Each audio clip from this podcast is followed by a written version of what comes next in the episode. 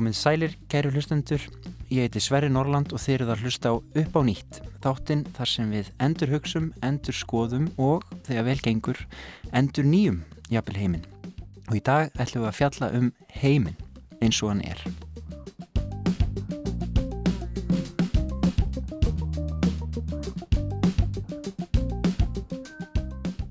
Hinga til minn er komin Stefán Jón Hafstein, ertu velkomin. Takk fyrir það. Og það er engin tilviljun, hann gekk ekkert hér bara óbúðin inn. Mér langaði mikið að spjalla við hann um nýja bók sem hann var að senda frá sér sem heitir Heimurinn eins og hann er. Og í þessari bók fjallaru, heldur þú nokkrum þráðum í rauninni á lofti mm. samtímis. Þú lýsir persónulegri reynslu af vinurðin sem veikist og, og þið áttu mjög náið og fallegt samband sem snýrist mikið um veiði út í náttúrunni en þú fjallar líka um sögur rómaveldis, mm. fall heimsveldis svo setur þú náttúrulega fram sem er kannski svona stóri þráðurinn í bókinu hulleðingar um náttúruvá og lofslagsbreytingarnar og starf þitt í þróunarsamvinu í Afríku mm. og áökjur sko af, af hungri í heiminum mm. þannig að þetta eru stórir þræðir og það má í í rauninni segja að allir heimurinn sé svolítið undir í þessari bók og ég ætla bara að rétt áður um ég vindum okkur í spjalli þá langar mér bara að segja hvað mér fannst hressandi að, að, að lesa bók sem leytast við að lýsa svolítið svona umbúðalöst heiminum eins og þú sér þann mm -hmm. og, og svo er líka þetta með tungumálu við erum kannski orðin svo vönði að það sé alltaf verið að reyna að sannfæra okkur og, eða selja okkur eitthvað, ég vil blekja okkur með tungumálunu, en mér finnst þú í bókinni reyna að lýsa ansi mörgu á hlutlausanhátt en fyrir vikið öðlast tekstin rosalega svona mikinn slagkraft og verður svona beinskittur við það en erum leiðnáttúrulega líka þá ég segi hlutlaust löðrandi í tilfinningum af því að hvernig væri annað hægt þegar þú ert að fjalla um, um þessa hluti þannig að í, í, í, í fyrri hálfleik spjálsins hjá okkur þá ætlum við kannski svona að fara yfir ímislegt sem er kannski svolítið þungt og jafnvel sömurmyndu nota orðið neikvægt mm. en það er líka jákvæðin í því að fjallum það neikvæðina og svo í lokin ætlum við kannski að reyna að stiga inn í, í ljósið á framtíðina og gákvæmt við getum ekki skilið við hlustendur á, á svona einhverju bjartri, bjartri nótu en, en mér langar kannski fyrst Stefán Jón bara að fá þig til að segja mér aðeins, eh, þú eru að vinna í þróunarsamfunni í Afríku, þú eru unni fyrir utaníkisráðniti, þú náttúrulega varst áður í fjölmiðlum en, og hefur skrifað bækur náttúrulega áður, en hvað færi þig til þess að setjast niður og skrifa þessa bók heimurinn eins og hann er, Hver, hvernig byrjaði þetta, hver var kveikja?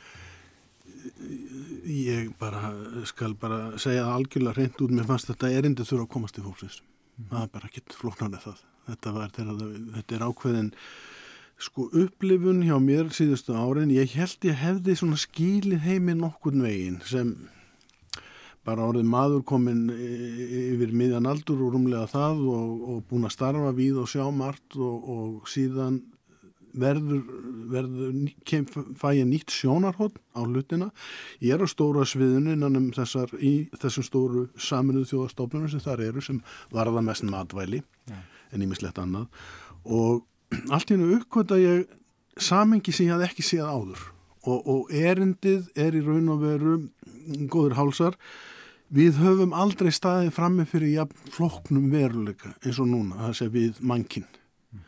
og við erum nú svo sannlega ekki öll samsæk í því efni en það eru mjög margir svona það eru mjög neikvæð teknolófti sem maður segir bara eins og er. Og allir hafa hirt talað um lofslagsvána og það er vandamálsnett í fylgir að jörðin er að ofitna en sko það til dæmis mikil uppgötin í mínum huga og þetta byrjaði nú eiginlega þannig að loftslæð og höfin tala saman í einu kerfi mm -hmm. það, það er ekki bara lofti sem við öndum á okkur heldur höfin taka við einum þriði að því kólefni sem við losum og þau hafa hittnað alveg gríðarlega langt umfram andrúnslofti mm. þetta kerfi höfin og lofti tala saman okkur einustu sekundu mm. og höfin taka í sig allar þannig gríðarlega hitta sem ekki má losna út síðan er það árásin af visskerfin og það var eina af þessu stóru ræðilegu uppgötunum sem ég gerði, ég hafði ekki átt að með á því að á, frá því ég fermdist á mínu líftíma erum við búin að drepa 70% af plöntum og dýrum á jörðinni er, bara 50 árum. Ég veit það. Þetta, þetta er algjörlega ótrúlegt. Nú, nú ert þú að kynsla og foreldra minna mm. og ég velti þessu svolítið mikið fyrir mér og ég hef einmitt líka reynd og skrifa bókum þessi mál. Stríð og, og kliður sem ég las, ég held að þú er klára mig en... Já, ég ætla ekki að fara að beina sjónum Nei, nei, það er mjög gott framtak. Og, og það sem ég var svo mikið að erfiða við var einmitt það sem þú nefndir hvernig segir þú þessa sögu þegar hún er orðin svo flókin mm. að venjuleg manneskja skilur Nei. þetta í raunin ekki bara ekkert okkar. Og, og, og, og svo er annað sem mér var ítrekkað að hugsa til þegar ég var að lesa bókina þína. Það er þetta. Þú elst kannski upp í einhverjum heimi þar sem að bjart sínin er meiri um ég veit að ekki ég spyr, framfarir að við mm -hmm. stefnum í rétta átt. Mín tilfinning er svolítið svo að mín kynslu og, og, og það sem yngri eru alist upp í heimi þar sem að við óttumst að allt sé að verða verra.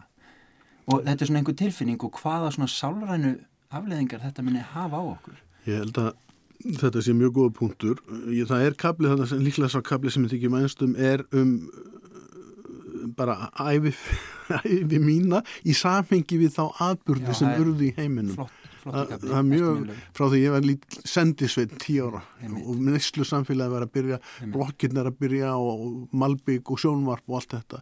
Og það er kapli sem er sko lýsir þessu sem gerist á 50 árum og við trúðum því alveg einlaglega að þetta hárði allt til betri vegar. Fólk egnaðis peninga, fór í sumarlefi og allt þetta og þessi kynnslóð mín er líklega svo kynnslóð sem erður ríkust, langlífust og helsu best af öllum kynnslóðum lífandi Íslandinga frá upphafi ég veit ekki með þína kynnslóð en það var að vísu á þeim tíma líka þegar við ólust upp, það var ótti við kaldastrið, ég mann kúpudölina.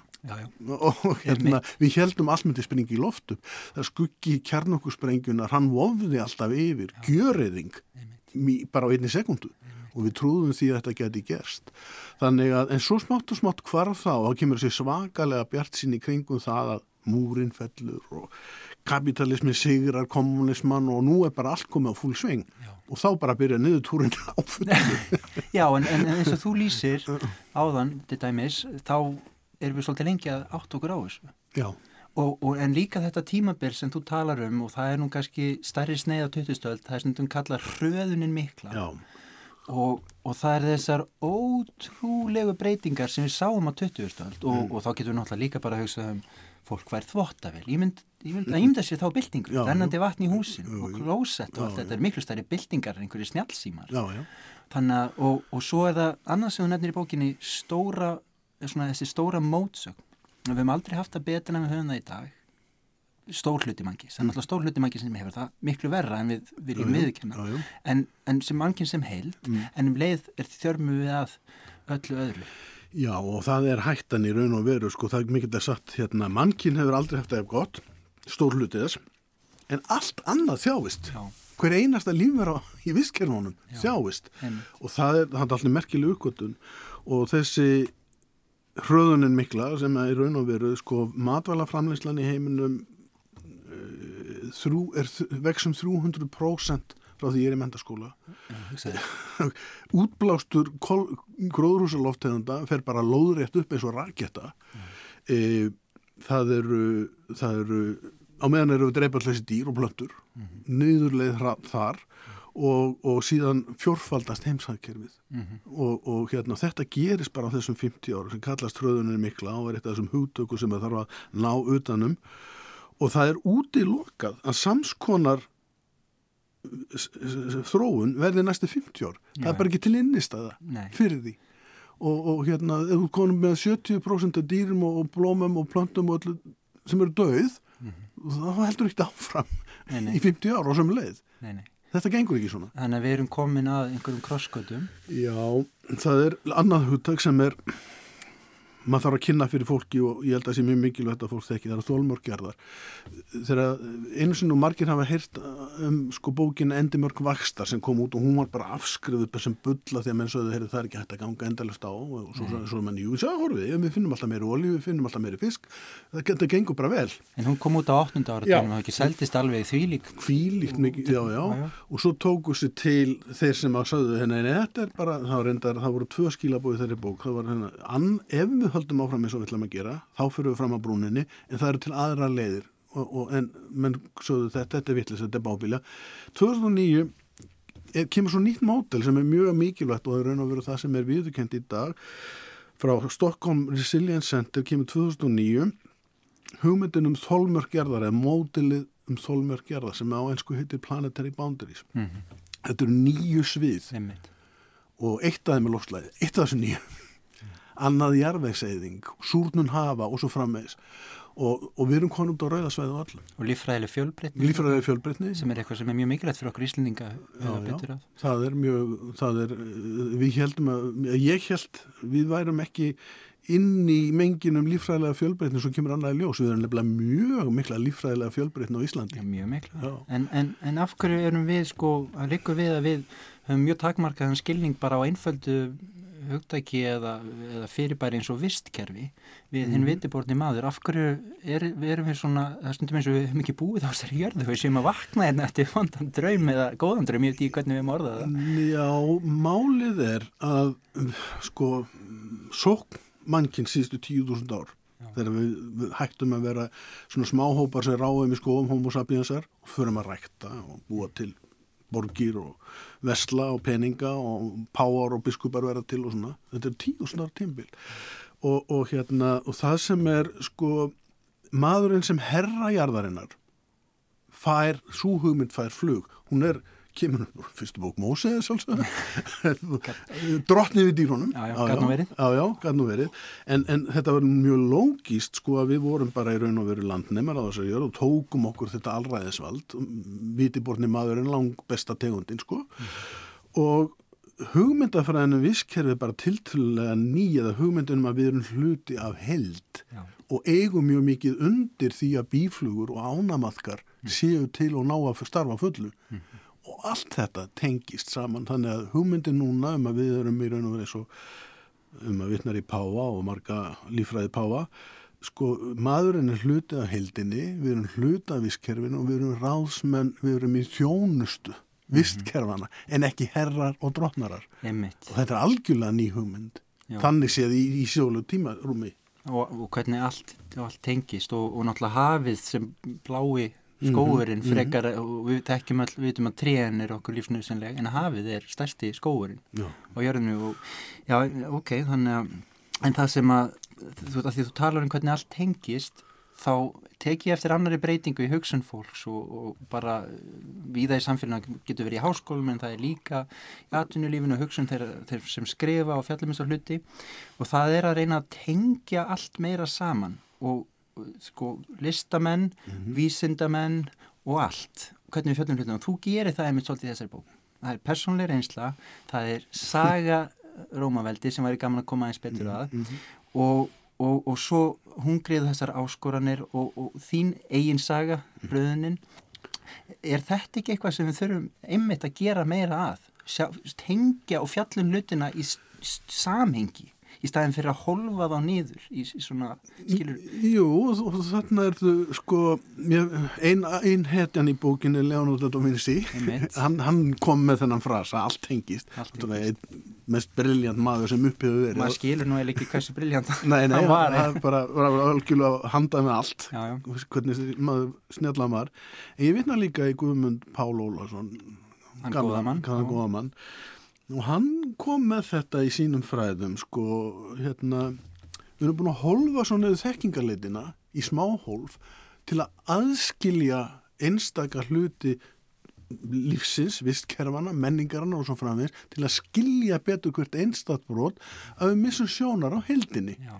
og þá segir maður þetta hefur virkað mjög vel til að búa til geimflugar, mm. farsíma og annað slíkt það er mjög gott mm. þetta er góð leið til að skilja ymsa hluti en allt býr þetta í sama heiminum. Já, og það er hann sem við erum að horfa á og þess vegna langaði mig til að búa til landslagsmynd. Þetta er, þetta er heimsmynd en ekki skilningur á einstökum atriðum og myndir þessu kjörarði frálega náta allt tengist. Allt tengist. Og svo líka þetta þegar við erum komið geimflögur og við erum komið snjálfsíma þá breytist allt.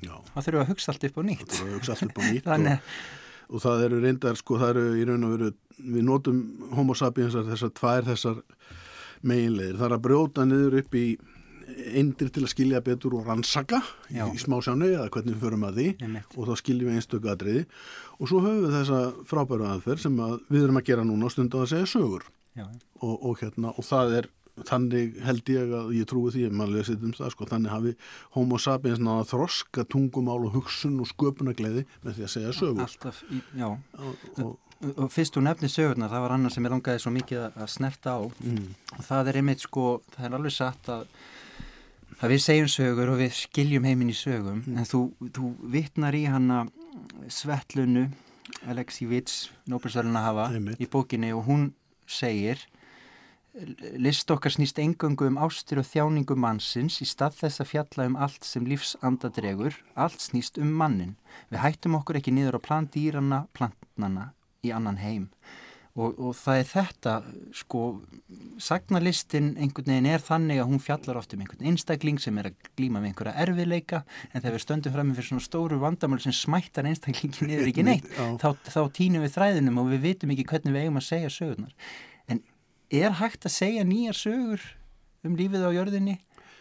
Og, og, og, og, og hvernig gerum þetta? þetta, er mitt aðal hugarefni þessa dagana fromt frá sagt. Já. það er að segja að eh, og ég er búin að vera núna bara á undarförni um mörgum svona alþjóðlegur ástöfnum um marga þætti þessara mála.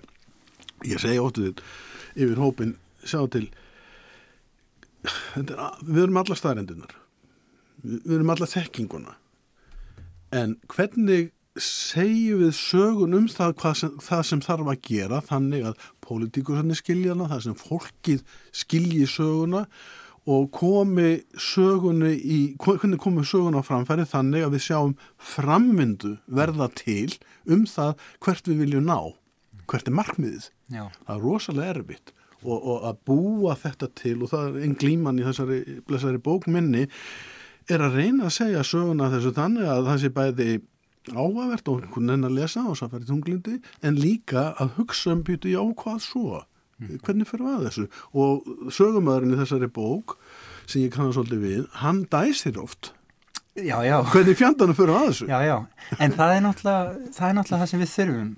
Við þurfum eh, einhvern sem, ég hugsa stundum um þetta þannig að maður er alltaf að hugsa um, ég segi ekki heimsendi en þessar áskoranir, en mér er svolítið tamt að gera það með bros og ör Já, já, og ég held að, og mér finnst þú, ég segi ekki að þú sért hérna, glottandi út í annað í bókinni því þú ert það náttúrulega ekki, þú hefur hérna, sárar ágjur af þessu eins og ég og allir og, og margir gera. En, en þú mátt ekki gleyma því að vera manneskja sem, sem og þess vegna er, nei, þetta er alveg, þetta er alveg rétt og, og maður má ekki gleyma byrja, af hverju eru aðeins, af hverju er maður ekki af því okkur þykir vænt um lífið. Við viljum venda lífið og lífið er svo fallegt og heimur er svo góður Já. þegar við förum rétt að. Einmitt, og, og þess vegna hef ég svolítið gaman að því að segja frá þessu, þessum furðulegu árum í, í Róm 1500 þegar endurreisnin byrjar af því ég held að við þurfum í nýja endurreisn það eru da Vinci, Michelangelo og Rafael eru saman konið þrýr á einum punkti í Róm að skapa stórkostlegustu listaverk sem þá höfðu verið gerð Einmitt. nokkuð tíman þetta er hægt.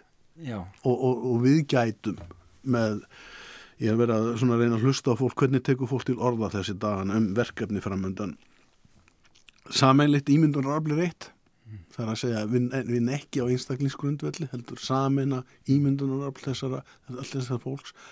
Bandalög, ný bandalög þvert á línur og svo framvegis.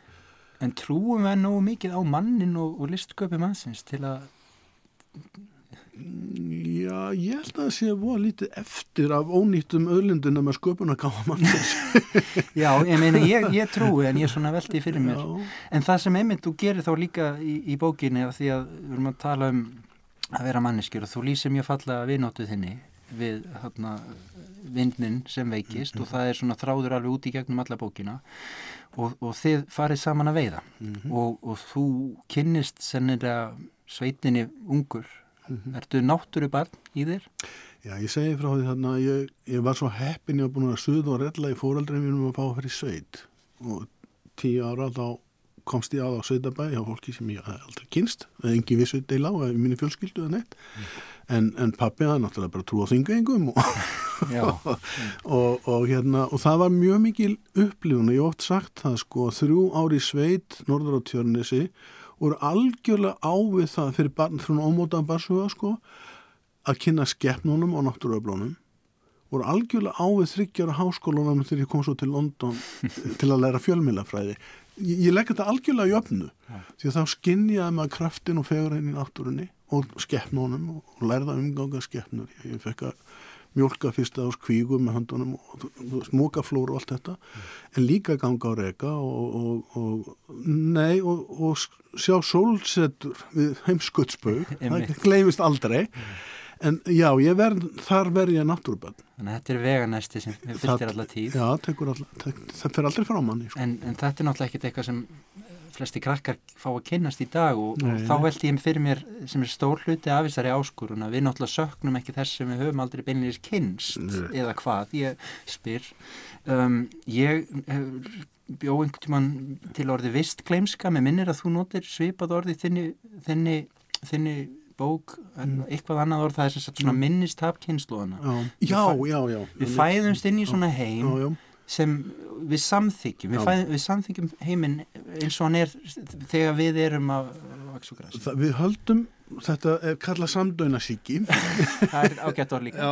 Ólafur Arnalds kom með okay. það um, um að því að það, þegar við horfum til dæmis á jarðveg og, og landnýting á Íslandi þá vitum við ekki betur en þetta sé svona freka mikið allt í lægi er það ekki? Mm -hmm. en nema að því að menn eins og hann og fleiri segja okkur þetta er eitt að Ísland er skólabókundæmi um run vistkerfis. Og, og hérna en við sjáum ástandin eins og er og höldum að það sé eðlilegt þegar það er í raun og veru afleðinga gengdalösi skemmt og eðleggingu en við tökum þetta með okkur áframinn til næstu kynslu sem tekur aftur við. Og menn uppgötu þetta þegar þeir fóru að rannsaka sko dýrastofna og stoppstærðir og ímislegt annað að þeir sem komi nýrfræðimenn inn í rannsóknunnar lítu á stöðunni sem hún var heldur að það var í það eðlilega ástand og heldur svo áfram að framreikna í staðan fyrir að leita aftur á bak og segja, byrju, hvernig var þetta? Og, og hérna, og þar að leiðandi e, þessi vistgleimska sem þú minnist á og, og, það er eitt þar sem við höfum glemt í hvernig þetta á að vera og hitt sem er samdöðnarsíkin sem er það, já við höldum að þetta sé meira og minna ok, mm. en sem það er ekki Nei, sem það er að sálsögða ekki já. Þannig að en, en svo að því að við vorum á hann líka að tala um þarna sko svona vangit okkar svolítið til að bregðast við. Og ég er forvitin um starfþitt einmitt með þessum alþjóðastofnunum og svona fyrir utan Ísland. Um, höfum við og þú reyndar nefnið það nokkur sem í bókinni að við höfum ekkert vikinn tíma að bregðast við mm -hmm. og ég segir jafnvel á einum stað frekar aftalega að COVID hafi verið svona uppbytun og hvað gerist eða kemur nú alvöru kreppa mm -hmm. og tímin vinnur ekki með okkur um Það er mikið talað um sko líðræðið, um áhyggjur á líðræðinu, að það virkir unnverulega ekki. Maður, þú, þú lýsir þið mjög eftirminnilega einumst að orðar það vel bara með sko auðræðið til dæmi sem ríkir í bandaríkunum. Mm. Nú þegar þú hefur kynst þessa einraun, höfum við einhvern svona infrastruktúr, einhverja innviði sem geta bröðist við það því eins og segir, fyrst þarf að miðla upplýsingunum. Mm. Það þarf að fá fólk til að finna, finna eitthvað í hjartanu, einhvern vilja. Mm svo þarf einhvern veginn að snúa samfélaginu þetta er eins og ristur skip og það brakar í því við og höfum við infrastruktúr til að bregðast við Nei, sko það er eina niðurstöðunum og ég kom mér svolítið ofar til ég bara fór og setjast niður og hugsa þetta mjög kallt sko. Þessi kerfi sem og hugsun sem við höfum byggum til og maður lærðum í skóla. Fyrir 200 árum byrjað innbildingin mm -hmm. og, og, og þá verða til fjöldafjölmiðlar og það verða til líðræðistofnanir í loksinsk og koma rísandi borgarstjett og síðan verkarlistjett og þessar nýju stjettastæði sem við tökum og líðræðistofnanir og, og við tökum með okkur þennan sko, stjórnarskrár bandaríkjana og ímislegt annað.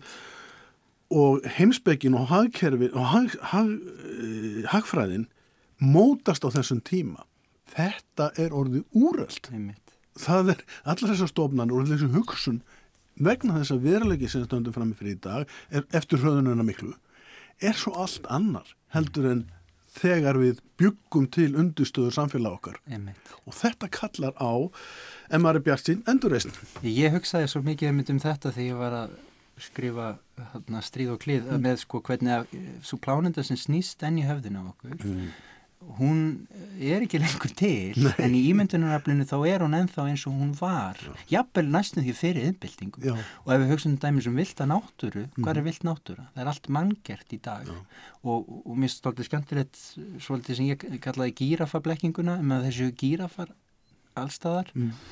sko það, það seljast 800.000 svona gummigýrafar sem heitar Sofi í Fraklandi árkvert leikvönd að naga en það eru svona 110.000 gýrafar sést ég vissi eftir í öllum heiminum. Oh. en gýrafarnir eru allstaðar á náttfötum og í sónarkunni og svona. En þetta er, þetta er svolítið sérsta þannig að það er eins og við séum ekki búin átt okkur á þessu. Og, en, en svo skrifar það líka hérna, þú skrifar í bókinu og tala um sko fjölmjöluna. Nattrænum fjölmjölum er miðstýrt af fámennisklíkum sem nota hátækni til að ala á fordumum, óta og hatri því að þær tilfinningarsveiplur gefa mest af sér. Þá nærða kjarna, ef það er sögn, ansi margt í bókinu svona, svona, svona beinskeitan hátt. Líðræðið byggist á því að fjölmjölar gegnir þessu hlutverki. Jú, jú. En kannski fjölmjölar við um heim búin að færast frá því hlutverki yfir í eitthvað allt annað með Já og, og það er náttúrulega, ég er mikill aðdáðandi internetsins og held að þetta sé samskiptamiljarni séu valdeflandi til lengri tíma litið. Vonandi. Vonandi og séu góðir fyrir okkur og ég, ég sé svo mörg dæmum að hvað eru góðir. Það, en en menn, menn er að vakna mjög mikið til þessara vitundar um að þetta eru bara, þeim er svo miðstýrt og þeir eru að gera út á með viðskiptamódulinu sínu það sem er það versta í okkar fari. Já, og það er nokkuð sem að hérna, ég held að við þurfum að taka upp nattræna stjórn á nokkur suðum Já, hvernig myndi það lýsa sig? Ég, e, það veit ég ekki. Það þarf til dæmis, ég var nú bara að lesa ágæti skrein um, um hérna í einhverjum heimsblöðanúnin í vikunum sko hvaða væri æðislega gott að Elon Musk tæki yfir Twitter því hann myndi alveg öruglega eðilegja en er hann ekki hætti við? Hvernig sem það fer sko. Já, já. Og, og hérna en, en niðurstað höfundar eins var vegna þess okkur það er gott, það er vegna þess að þetta er orðið svo hættulegt að örfóðamenn ná að búa til reikniformulur um það hvernig hægt er að æsa okkur til vestu kvatana sem búa innra með okkur. Já og þess vegna þarf dreifstýringu. Ég er mjög fylgjandi því að, að ríkja samsteipur og ríkja er, tökum bara Európa-sambandi, það þarf að taka upp nýja skattstefnu mm -hmm. gegn fjölþjóðlegum fyrirtækjum og ekki síst þessum netfyrirtækjum mm -hmm. sem að starfa svona bara einhver starf í loftinu. Og þau náttúrulega greiði ekki skatt? Nei, það er náttúrulega alveg lígilegt í sjálf það er lígilegt og hérna þetta er eitthvað sem við hefum bara að hérna, nei, þeir, þeir, þeim tekst að starfa í skattaskjólum. Eins og elitur heimsins gera ja, þær eru allar í skúfum. Mm -hmm. en það er svo færsandi að heyra þetta sagt og bara, og svona er þetta. Ég meina, segjum þú dæmis auðlýsingatekjur á Íslandi mm -hmm. það er í, hafa runni síðust ári í síöknumæli til erlendra fyrirtækja mm -hmm. megniðaði meir í bandaríkunum Google, Facebook og Instagram sem nú hluta Facebook og heitir Meta reyndar í dag og allt þetta. Þessi fyrirtæki taka peningana, þau láta þá ekki renna síðan til liðræðisleira umræð á Íslandi eða menningarstars og þau greiði ekki skatta af þessu. Nei. Þetta er náttúrulega... Þetta er svo galið. Þetta er náttúrulega illa, illa skrifað ef þetta væri í skáldskap. Sko. Já, en þetta er í raun, já, þetta er ovíkt en þetta er, og það er í raun að vera það sama með, sko, til dæmis skatta undanskot alþjóðleira fyrirtækja frá þrónalöndum það er að segja að þau semja við elitunir í hverju landi eða hvernig sem það er gert, skiluru að þau borgi ekki skatta af því að það er einhver móðufjölu og annar staðar í skúfum einhver staðar ellendis mm. sem að hyrða af þeim svo kallega vastagreislur að lánum eða eitthvað slíkt mm. og þannig að það sem að í raun og veru verðmæti verða til með svo stór hlutið þeirra jarðefni og annað slíkt, landbúnaður og annað slíkt, að þar nýtur fólksins ekki ávast að afnema litlu leiti, það er náða samlegst að vinna á aðgreinum, en virðisaukin verður allir til annar staðar. Já. Þetta er kannski svolítið stór líka hluti af þessu vandamáli okkar, hvernig við lifum á jörðinni að það er búið að slíta hlutinu svo mikið úr samhengi. Já, já, það er búið að slíta hlutinu úr samhengi og við sjáum ekki ég meina það, það, það er reynum að vera jákvæðar einu sinni já, tökum ég til, til. Já, tökum til dæmis hvað mér finnst jákvæðt að, að það sé að að rekja vöru sem við kaupum beinti bónda, jafnveg þá að bú í Kolumbíu mm. eða Eþjópíu eða hvað sem er og sagt Það er þessi sem fær borgað sangjant verð fyrir þetta og þú borgar svona mikið í raun og veru kannski aðeins meira fyrir það að tryggja það að bóndin fá þetta. Hann fær ennþá miklu minna heldur en margir, þeir sem búið til auglýsingarnar og allt það. Ja. En eiga síður þá erum við að reyna að búið til gagsætt kerfi og affjúpa í raunverulega kerfi. En þessi hluti neslu mistusins, hann er agnar smár í sama burðu við allt heila gilimóið. Og svo tekur regnarinn lofslags hlutan í draslinu sem flytjum um Kína til dæmis, það er hér professor út í háskóla sem gerir það Já. og þá kemur í ljós að skólefnisspor Íslandinga er gigantíst miðan við það sem okkur var sagt. Og, og það, það að affjúpa gera hlutinlega gagsæja og það geta ríkistjórnir og samsteipur ríkistjórna gert kröfu um að það ríki gagsægi og það er lámaskrafa Það er lámaskrafa Ég verða að fá mig vasklas og manna mig upp í setni, setni háluleik og þá ættum við að ræða eins kannski hungrið í heiminum og reyna síðan að fytja okkur á svona bjart síðni slóðir það er hægt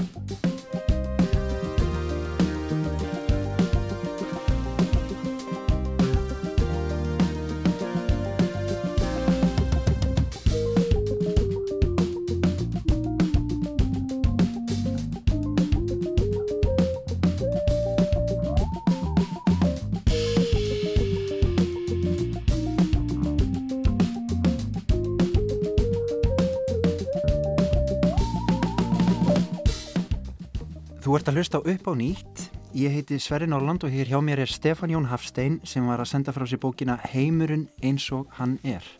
Og þar stendur meðal annars Stefán Jón á hverjum degi degja 17.000 manns úr hungri. Og það er nú ekki uh, lítilt láttala mm -hmm. og ekki sérstaklega við Íslandingar erum við 400.000 og við þekkjum nú hungur og við þekkjum í aldana rás en en hefur hortið betri vegar á allavega síðustu öld, kannski rúmlega þó enn sé til svont fólk hér á landi. Þú hefur svolítið unnið hérna í svona þróunarsamvinu og en alþjóðastofnana að því að stemma stegu við þessu mikla hungri sem við erum enna glíma við og, og meðal annars með sko World Food Program, matvæla áalluninni. Mm -hmm. Þú fjallar mikið um þetta í bókinni, þetta er þér hugleikið, þessi krísa sem við stöndum frammi fyrir við framleiðum miklu meiri mat en við þurfum mm -hmm. mjög mikið á hann feti spillis mm -hmm. og enn er, ég mann nú ekki töluna en meiri miljardur manna svangur Já, þetta er svo fyrðulega þversagnir og það, þessi virðast aldra við að reyna að greina sko. það er því miður þá, þá er uh, sóun og, og matur skemmist það er, við getum bara að hugsa þriðja hvern munbytta það er sóun, matalasóunin með einum öðrum hætti. Mm.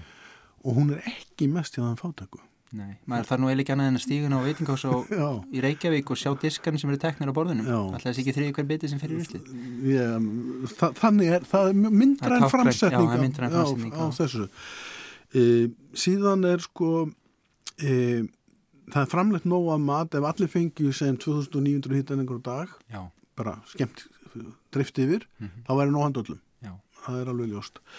E, matvælaframleyslan sjálf er hins vegar hún reynir ofbóðslega á vistkerfi jarðarinnar. Það er að segja hvernig við framleiðum matinn mm. og uh, til dæmis með því að brjóta skóa undir pálmólju tre eða undir sojaböuna agra eða nautgripa hjarðir og svo framvegis. Ólega fiskveðar eru líka vandamál og þannig að, að við reynum á þólmjörgjarðar og förum út fyrir þólmjörgjarðar með því hvernig við framleiðum matinn. Þannig að það er innbygg alveg óskaplega skekkja. Í heimsmarkmiðuna sem voru samþýtt 2015 er markmið nr. 2 ekkert hungur árið 2030. Ég var að koma að rástöfnu núna í síðustu viku þar sem sagði það mun ekki nást. Það verða það eru núna 8-9 miljónir sko, manna og við hafa að tala um alvarlega svanga e, það verða 600 miljónir í lók þessa áratúr að minnstakosti mm -hmm. og líklega munum ekkit fækka 2 miljardar manna eru alvarlega vannærðir offeita er eitt stort vandamál og byrtingamind mm. vannæringar Já. og það er sem ég segja 3 miljardar manna af þessum átta eru þannig að þeir eiga ekki fyrir helnæmiri máltíð daglega. Og, og áhrifin sem þetta hefur á þroska barna, heila þroska allir mannur eins og við notið það góða orð sem fætti spillis nefnir að maður já, horfir á þetta svona þetta Já, já, þetta er, það er fyrsta lagi sko, við horfum á börnin að, að, að, það er sko stór ástæð fyrir því hvað fólk til dæmis börn í fátæku löndunum eh, glíma við mörg og ég verið á svæðum það sem að börn er upp í 30-40% vakstarskjert. En, en vakstarskerðingin er vegna vannaringar fyrst í móðukvið og svo áfram inn á skóla árin en það er líka vitsmunaskerðing þau, þau þróks heilin á þessum dýrmæta mótunarskeiði fær ekki næringuna. Og kannski aðalega eins og ég var nú að tala um vísindamann en dag sagði, sko, það er jafnir í, í, í blóðlausum ei, maðurum sem er kannski fyrsta stoppið Já. á leðinni til að koma í veg fyrir þetta. En síðan þurfu þetta, sko börnin eru vannar og þau get ekki lært og þau verða og það er ekki hægt að lækna þetta með því að borða hafragrönd og lýsi setna efinni að heilin hefur ekki náða að þroskast á þessu skeiði með næri næringu og næringarefnum þá bara er þess ekki viðbjargandi. Og þetta er framtíður auðvitað mannkins þetta er, er fjölgunin mest. Já, hún er mest í þessum löndum á þessum svæðum og verður að langstæð fjölgun næstu áratugina, þessi þrýr miljardar, tveir til þrý sem er að bætast við, þeir eru langstæðstu hluta á fátökustu svæðum Afríku af eðlilegum ástæðum. og lofslagsbreytingarna beitna náttúrulega ekki síst á þessum Fyrst þar, en hvernig lýsir þá þessi hvað býður bars sem þjáist af þessum skorti í móðukveði fyrst og svo er vannært í uppvextið sinum, hvað, hvað býður já, þess já, námsgetan er mjög skert Já. og þar að leiðandi vinnugetan. Og, hérna, og, og það getan til að leggja til samfélagsins og, og sjálfsín síðar á leiðinu, það er búið síðan fram á það. Ég var nú bara að koma af fundi um, um sagt, skólamáltur ég þekki það, það, þá rauksand mjög mæta vel að sko fyrir hvern einn dollara sem þú setur í skólamáltur í fátækulandi mm. er ávöxtunin nýju af því að þú kemur í veg fyrir þessa vitsmunaskerðingu, námsárangu verður betri og þessi einstaklingu sem kemur út í samfélagi er burðuri til að leggja til sameiginleira þarfa samfélagsins. Þannig að það er þetta sína og menn hafa sínt fram á það, bara þjóðar framleysla vex Mm. ef þú passa það að börnin fái skólamáltíðir og að mæðurnar fái eðlilega næringu meðan það er ganga með. nú, þú sagðir að við, tölum um það áðan að við framleitum nú þegar nóga mat til þess að fæða allt þetta fólk Já. við nefndum líka að við gerum það að langstæstu leiti með ósjálfbærum hætti Jú. þetta er svona, maður er svolítið erfitt að ná utanum þetta stundum uh, gætum við framleitt mat fyrir allir heiminum á sjálfbæran hátt og Þe- Þetta er náttúrulega, þú, þú hittir sko nagla svo herfilega hann er konar bóla kaf. Þetta er stóra áskorunin. Það er ekki núna möguleiki að segja bara, heyrðu, förum að rækta lífrænt. Það mun ekki gefa af sér nærri nóa mat, sérstaklega með að við hvað við eigðum miklu, við þurfum náttúrulega að stoppa það fyrst sko, að, að hérna, maturinn fari ekki til spillis, en það er mjög vandasamt í löndum það sem er ekki rama, kælikerfi, flutningarleiðir og svo framvegis gríðarlega matvæli það sem ég bjóð í Malawi fara til spillis vegna þess að það bara skortir í þetta, það getur geimslur og það er ekki hægt að flytja maður milli staða. E, þannig að þetta er svona, þetta er eitt af því við hér gætum á Íslandi gætum stöðvað matasón. já, Það er bara einfalt mál. og hvað hva gerum við til þess? Ja, það er Langt svar kannski Já, mjög langt svar og, ég, og það er líka, til fólk sem þekki svari miklu betur en ég, þannig Já, já. að bara lá- láta það vera í annan þátt en, en það er hægt. Já, og stöða, það eru í ríkulöndunum sem eru 80 til 120 kíló mann sem eru sóað í fátækulöndunum er þetta miklu miklu minna. Já, ef þú sér munin á því hvernig ég skræli lauk og kona í já, já, malavi skræli lauk það verður ansi mikið eftir hjá mér en lítið hjá henni. En þetta er nú bara lítið svona, þetta er ekki stóra málið en sem að hætta sóun og síðan eru ákveðni hluti sem að um til dæmis það eru gleðefni fyrir okkur að hérna, fæða úr höfum og vötnum er miklu umhverfi svætni og gefur meiri næringu heldur en til dæmis að rækta nöyti í Argentínu. Þó við mikið segja það við Argentínu mennina sko. Nei, nei, já, já, en, en það er svona og við höfum náttúrulega ekki að fella regnskóa til að taka um nautingirparækt eða sojabönarækt fyrir lagseldi en þetta eru svo margbrotin og flókin umræðu efni vegna þess að það eru bæði pólitískir og efnislegir hagsmunni sem koma hann inn. Og það er mjög erfitt að koma einhverjum böndum á þetta. Uh, uh, þess vegna var ég nú kannski að tala um hérna á hann að gagsæð væri mjög mikilvægt. Við vissum að mista okkursti hvernig líkur í hlutunum og þá getum við tekið á þeim. En, Já, ég mitt en þessi saga, þetta hefst kannski svolítið, ég þekkja nú ekki 100% en þetta hefst kannski með þessari grænu byltingu þarna meðan 2000 öld, eða ekki þegar matvæla framlýsta tekur hennan rosalega kip. Jú, ég segi og, hana þarna. Já, já. þú ég veit, þú reykur þetta aðeins í bókinni en þetta er náttúrulega opuslega flókinn og stór saga en þarna er fólki lift uh, upp úr sáristu fátæk og hungri og alveg sko miljörðum Já og það er það sem gerist en okkur, við erum ekki komin alla leið Nei. en við höfum þannig þetta kerfi alveg til hins ítrasta Já, sko, þetta er mjög merkileg saga um grænu byltingun Norman Borlaug er svona tákgerfingur og hann er tákgerfingur fyrir marga um manni sem leysir málinn bara með þekkingu, mm -hmm. vísindum og kemur svo, sko út til fólksins Já. hann var geysilega merkilega maður En hann er rosalega umdildur í dag, hann er kannski ómaglegt að Það er mjög ómaglegt að því að þær aðstæður sem hann vann, Já. þá var bara hungusneið eftir hungusneið í, í, í hérna, Indlandi, Bangladesh, þið munir tónleikana sem George Harrison, Bangladesh og allt þetta og, og hérna hann segir bara það, það er þetta sem það er að gera það þarf að kynbæta planturnar mm. gefa þeim tilbúin áburð sem hafði orðið til fyrir á öldinni komnunarefnis áburð sem var unnin efnagerður áburður, tilbúin áburður og hellinga vatni mm. Og þær þurfa að þóla pestir þessar plöntur og við plöntuðum þar sem að fólkið er og þá mun allir vera satt og þetta gerðist á Índlandi, algjörlega en 40% af þeim ábyrðu sem við hefum notað hefur runnið til sjáar og er eigðandi afl í höfunum í dag. Og þar myndast svolítið döið hafsvæði. Það sem að lífið í sjónum kapnar í rauninni að völdum. Já, ábyrðanis. Og, og, og þá segir, og ég get sagt þér sko, það, það sem er við stöndum fram með fyrir í dag er það að það er matvælakrísa í heiminum, margir kenna sko úkrænustriðin um það og það er rétt að stóru hluta, mm. en ekki öllu leitni, hún var byrjuð áður En matvælakrísan í heiminum í dag, heyri ég núna frá þeim sem eru svona horfa fram á við, hún er ekkit á við það sem verður á næsta ári vegna þess að ábyrðurinn kemst ekki mm. til skila, til bænda sem þurfa að nota ábyrðun. Þeir eru háðir, plöntunar og háðar ábyrðunum mm. Og við þurfum að fá hann ábyrð til að vinna fyrir okkur, til að framlega matvæli, en þá eru við lendið þessari þessugn aftur. En þá voru fann að spilla umhverjum alveg gigantiknum hætti. Og ef það er eitt stærsta umhverjusvandamál í heiminum sem er fullirt af professor Jeffrey Sachs og fleirum sem ég hef hirt í er ábyrðurinn ef hann er stærsta umhverjusvand með stærsta umhverjusvandamálum en hann er undirstað fyrir matvælafræðan já, við erum algjörlega háðunum fyrir matvælafræðan Það er ekkert cold turkey í bóði að hætta að nota ábyrð Nei, það er nefnileg ekki. Og það er eitt land hefur reyndað Sri Lanka, það var reyndað umsum þeir fyrirskipan og hann allir rænt og það náttúrulega vantaði algjörlega mat.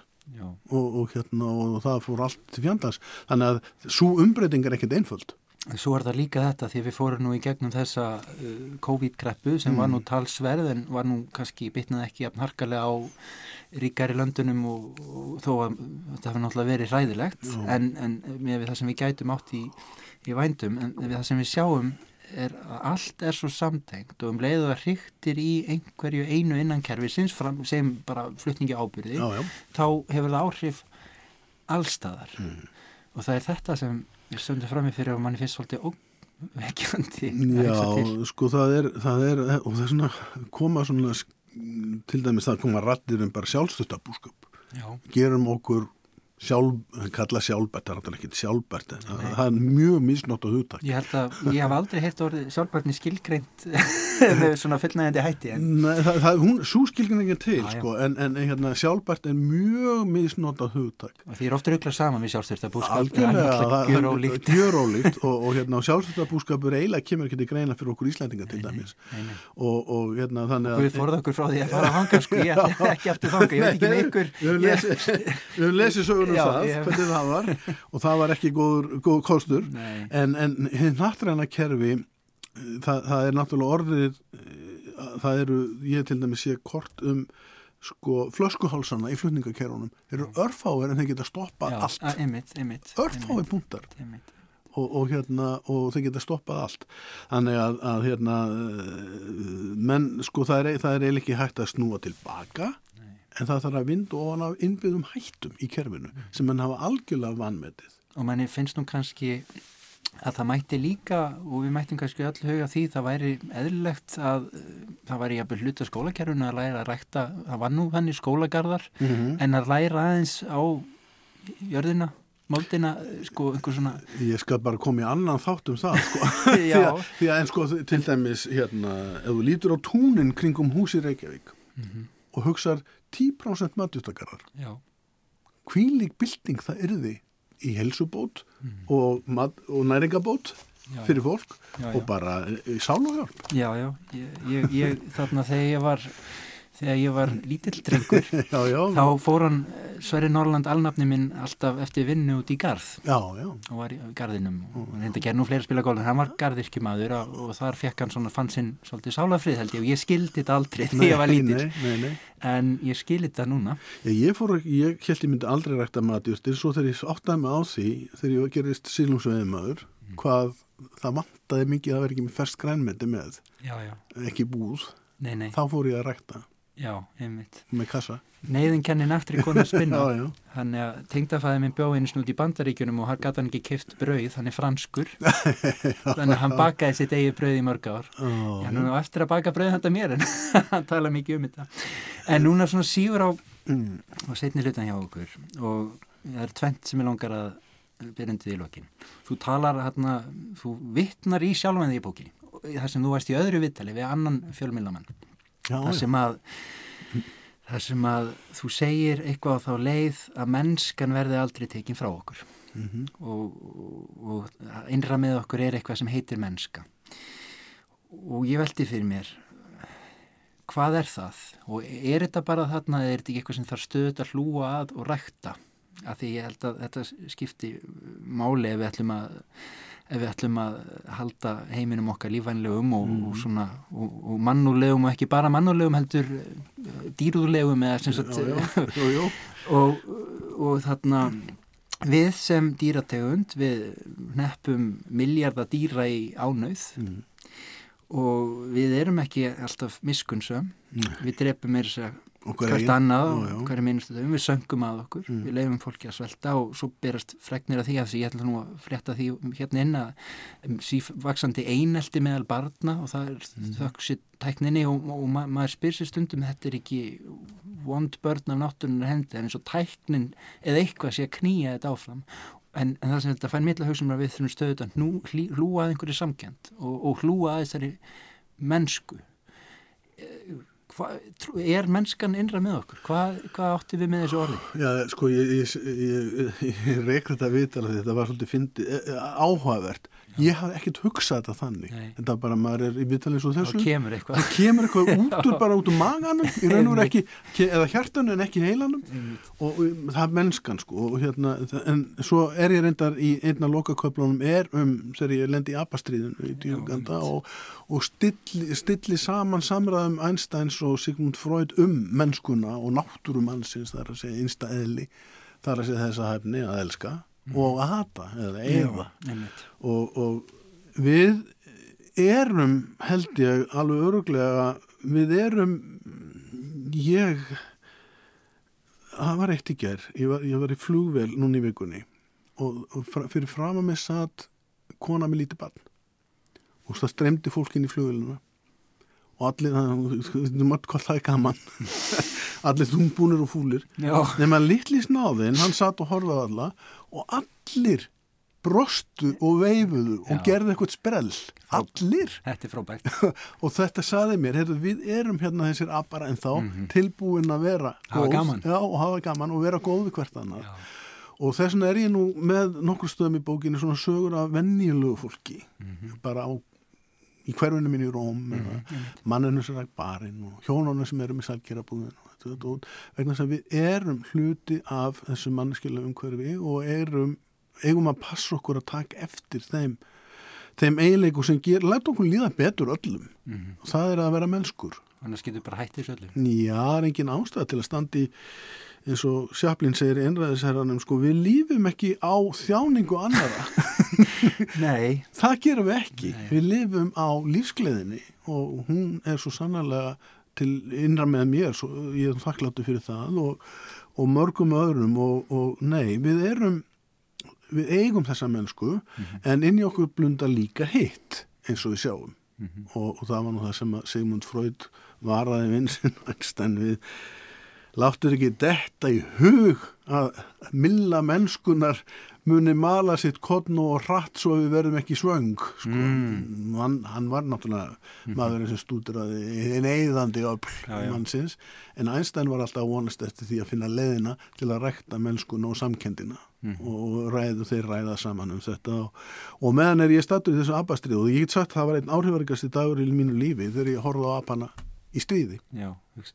Já, og þá sá ég mannin Og þú segir einmitt, já, hli, hli, sko, endurspeglast, mannin endurspeglast í öpunum og, og við endurspeglam eitthvað frá öpunum líka. Já, En þú sagðir áðan við mig, þegar áður en þú, áður en við hófum spjallið, að þú óttaðist að þú værir hérna, neikvæður, en það er ekki neikvæður maður sem skrifar bók og text á við alla þessar hluti og þú eru að gera það. Takk fyrir að koma í upp á nýtt, Stefán Jón, og fyrir að spjalla við mig hérna. Takk fyrir gott spjall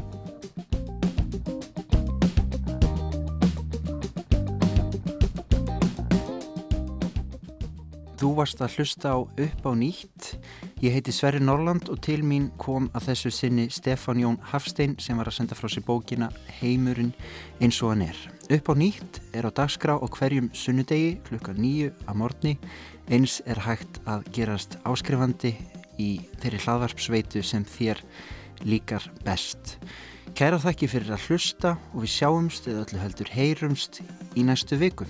Lesið bækur, hafi gaman að lífinu Gerið heiminn að þeim stað sem þið viljið að hann sé, elskið jörðina, fólk og dýr, vötn og fjöll og upplifið helst þið getið allar tilfinningarnar í mannslíkamann.